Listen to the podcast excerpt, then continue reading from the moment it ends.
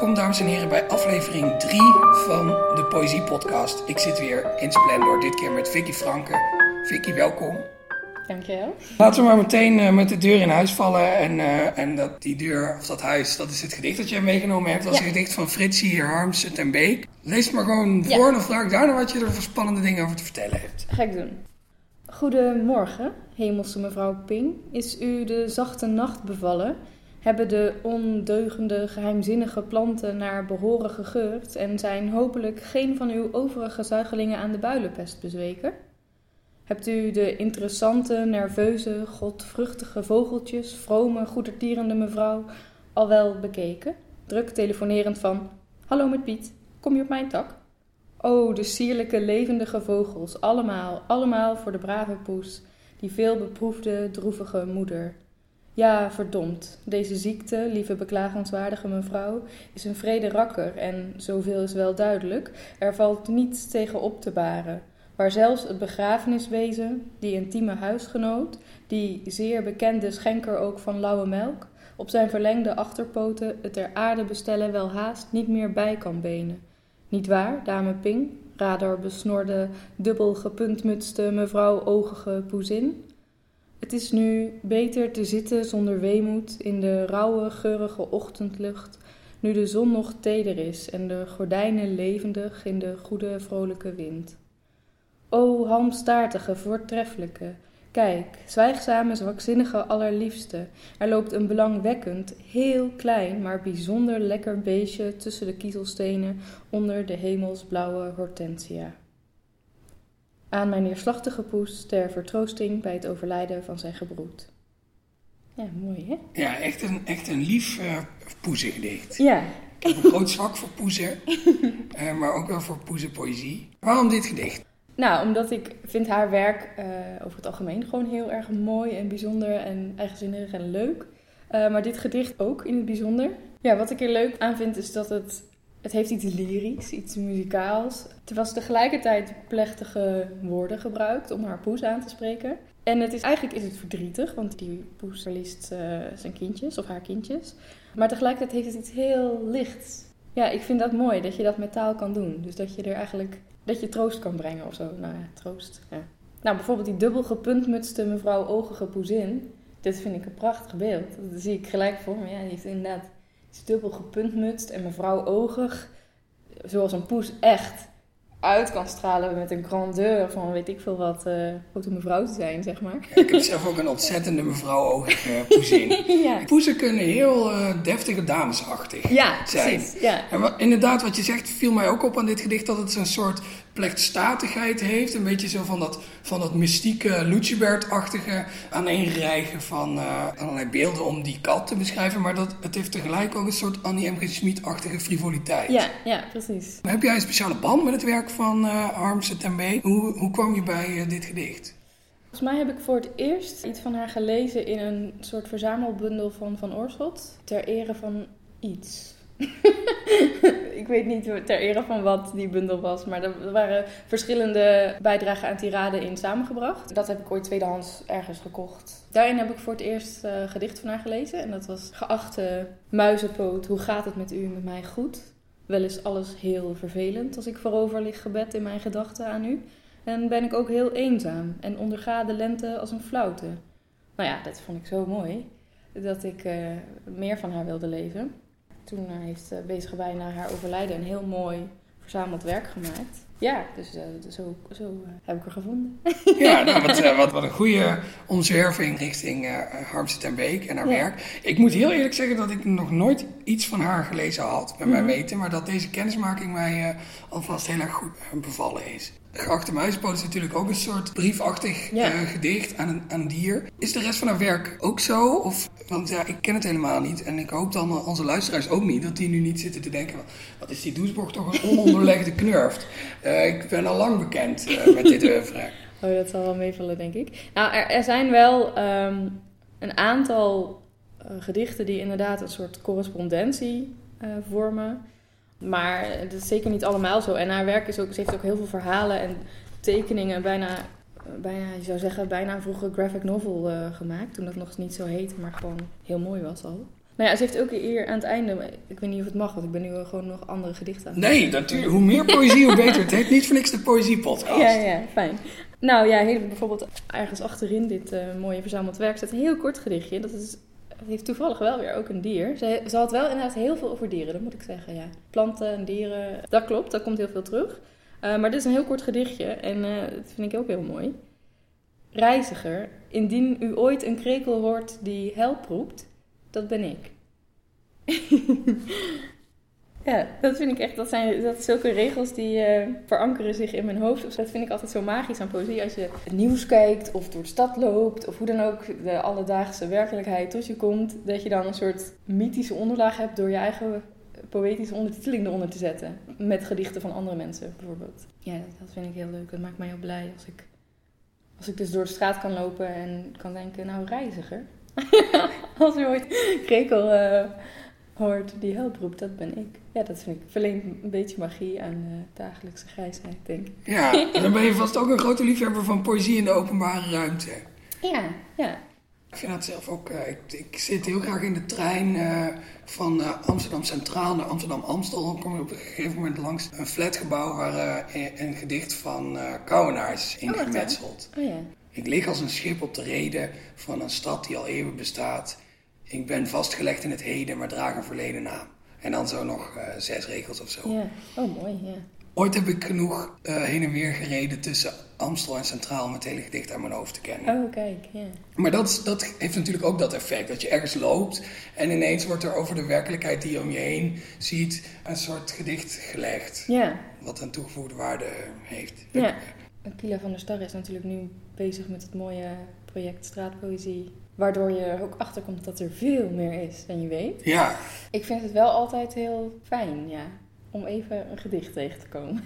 ja, nou, ik hoop dat iemand deze podcast nu aan het luisteren is terwijl hij, hij of zij over straat loopt. Ja. Uh, zodat hij nu uh, nogmaals, uh, als jij dat ook goed vindt, een gedicht tegen kan komen.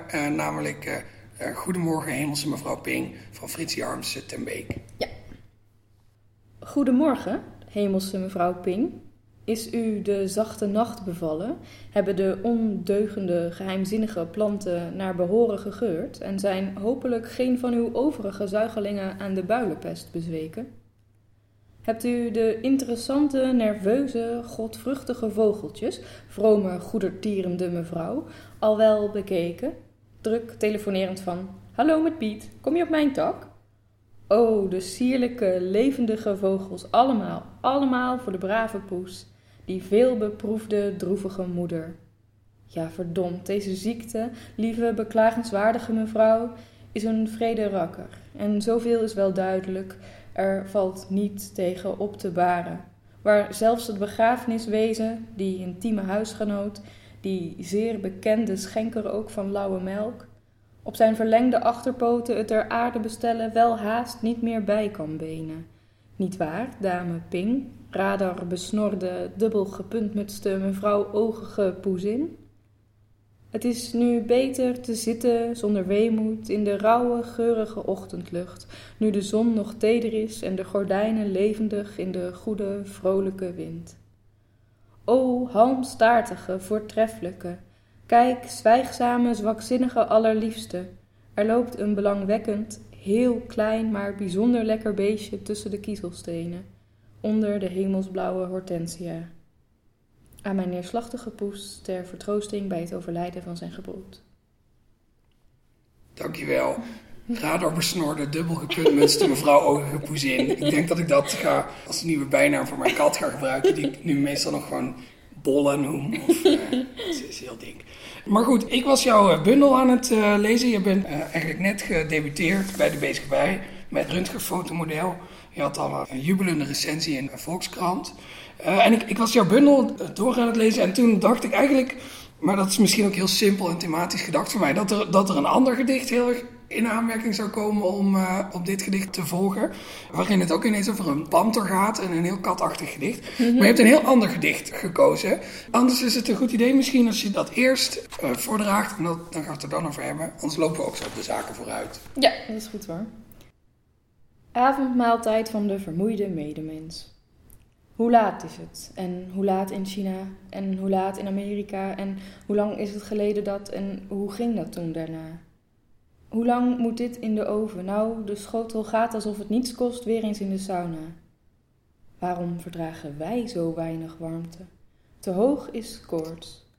Wie eet er mee? Hoeveel borden zijn er nodig? Moet het bestek nog afgewassen? In welke kast waar ligt het kleed? Waarom koop je een mooie tafel als je het blad toch nooit te zien krijgt? Tabula rasa, een raadsel. Hoe krijg ik die vislucht weg of moet ik er maar aan wennen? Hoe ver is het naar de Waddeneilanden? Wat lopend of zwemmend? Ik dacht dat bakpapier niet branden kon, maar dit gaat niet goed zo. Oh, hoe sta je vroeg op? Hoe sta je op een skateboard? Hoe sta je op spitsen? Hoe sta je op een foto? Hoe sta je open? Hoe sta je op als je bent gaan liggen?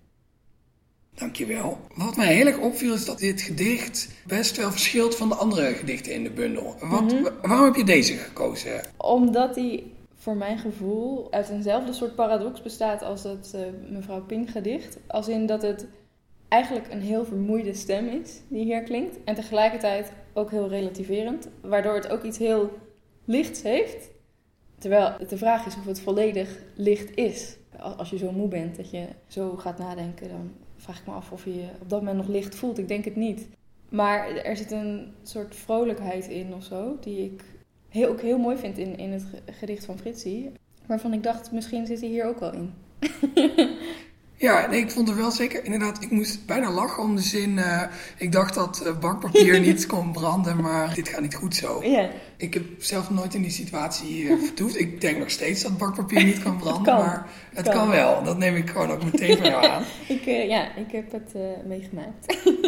En nou ja, dit heeft natuurlijk, dit is voor niemand relevant, maar bij die eh, regel over die vislucht moest ik denken aan mijn vorige huis, waar ik in de gang zat een, een lamp. Maar elke keer als ik die lamp aandeed, dan binnen een paar minuten eh, begon die lamp een hele sterke vislucht eh, Oh. uit te stralen. Dus ik heb daar, nou, ik denk drie jaar gewoond. En ik heb verder altijd gewoon maar het licht in de gang niet aangedaan. Ook, ik dacht als ik die lamp van het plafond schroef en kijk wat erin zit, of daar iets in zit dat die vislucht veroorzaakt, dan kan ik het misschien verhelpen. Maar ik was eigenlijk te bang voor wat ik daar misschien aan zou treffen. Ja. Heeft, heeft jouw vislucht ook zo'n eh, anekdotische oorsprong? Of valt Nee, het wel mee? nee, nee, die vislucht is eh, totaal fictie. Oké, maar want, wat mij dus aan dit gedicht opviel is dat degene die in dit gedicht aan het woord is, zit heel erg in het hoofd. Terwijl Ja. in de meeste andere gedichten in jouw bundel gaat het juist heel erg over het lichaam. En dat vond ik zo'n zo'n sterk contrast. Hoe denk je daar zelf over? Ja, ik snap denk ik wel wat je bedoelt. Mijn bundel heet ook niet voor niks röntgenfotomodel. Ik wilde inderdaad heel erg graag schrijven over het lichaam en over de wonderlijke ingeniositeit daarvan. En ook hoe precair het evenwicht is. Het is zo'n mooie machine, maar het, het is ook zo makkelijk om iets tussen de radertjes te stoppen. Of je dat, nou, dat doe je niet zelf, maar nou goed. Maar waarom, nou ja, eigenlijk denk ik dat die andere gedichten, ondanks dat ze praten over het lichaam of eh, het lichaam thematiseren, uiteindelijk ook vaak gaan om wat er in het hoofd gebeurt. Dus voor mij is het verschil niet zo groot tussen dit denkende gedicht. Maar ik snap wel wat je bedoelt. Hier is het lichaam mm, wordt niet meer genoemd. En het, uiteindelijk zoekt het een soort tastbare lichamen van andere dingen. Dus een tafel en bestek en, en zo. Maar het eigen lichaam is hier inderdaad, nou ja, behalve dan dat je je toch afvraagt hoe je op moet staan als je bent gaan liggen. Eh, is het er eh, bijna weg eh, uitgeslopen of zo. Maar voor mijn gevoel is het dus niet zo heel verschillend qua thematiek met de rest. Maar dat is hooguit, hooguit een beetje qua, qua toon. Ja, ja, ja. Ja, Ja, nee, want- precies, dat klopt. Maar daarom zit hij ook in de laatste afdeling. Omdat ik daarin eigenlijk de gedichten wilde verzamelen die verschillende gezichten hebben en daarom mogen, samen mogen. Ja, ik zag, want ik zag ook, heb ik dat nog goed onthouden, dat jouw bundel aan het einde, ja, dat is zo eigenlijk een beetje zoals eh, het verzameld werk van, eh, van uh, Frits Jarnset en Beek. Ik heb het gevoel, dat het, het is net alsof die gedichten naar het einde toe steeds korter eh, Oh. worden. En zo, net als je bij een muziekstuk soms, eh, sommige stukken die, eh, die, die eindigen dan heel op een, op een soort hoogtepunt. En andere stukken die vlak voordat ze aflopen, gaat er nog een paar keer zo... een beetje zo van die, van die, van die kleine toontjes. Ja, dat vond ik, dat vond ik mooi aan, aan jouw, eh, jouw bundel. Dat die, dat die ook zo heel langzaam... Zo, het is bijna alsof, een, alsof je een fade-out geschreven hebt.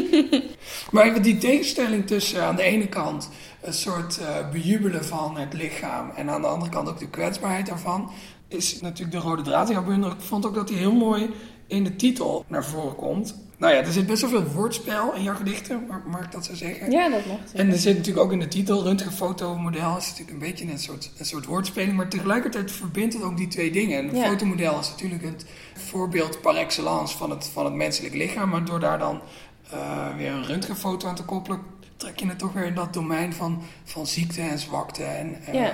het, is, het is in die zin ook wel en dat bedoel ik heel positief, een ongemakkelijke bundel om te, mhm. om te lezen. Omdat je helemaal in die sfeer van uh, ziekenhuizen en onderzoeken en je niet goed voelen en het klopt allemaal niet. Ik vond dat er heel knap uh, ingebracht. Ja, dankjewel. Het is eigenlijk helemaal geen vraag, maar gewoon een compliment. maar daar is ook ruimte voor.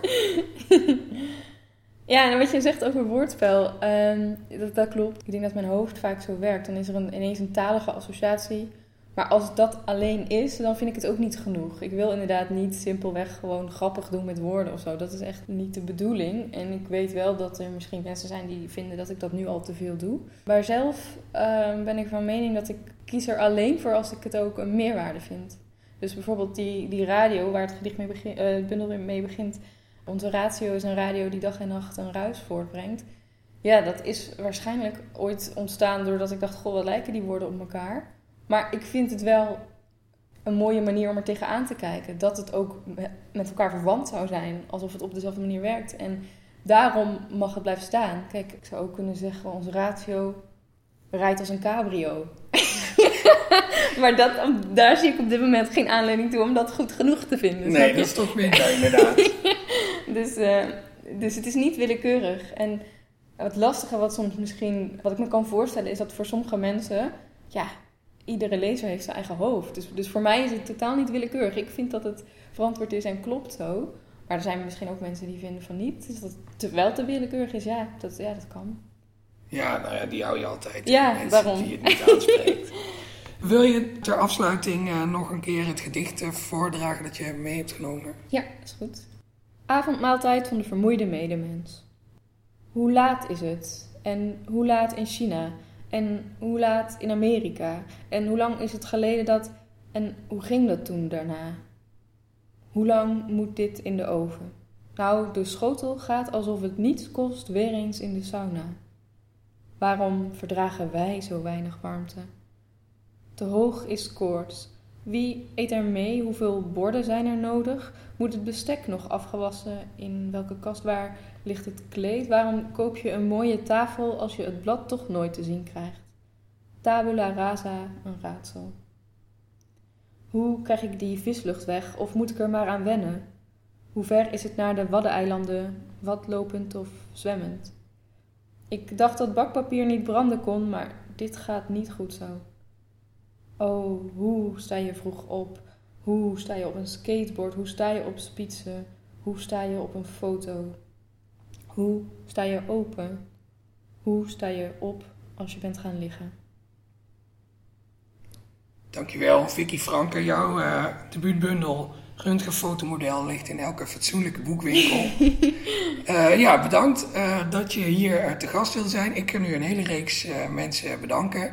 Om te beginnen de SLA, de Stichting Literaire Activiteiten Amsterdam. En Vrij Nederland, die samen mij in de gelegenheid stellen om deze podcast te maken. En natuurlijk ook prachtige muziekpodium Splendor in Wiens, of Wier, kleine zaal. Eh, we nu zitten. En eh, eh, dank jullie allemaal voor het luisteren. Graag tot de volgende keer.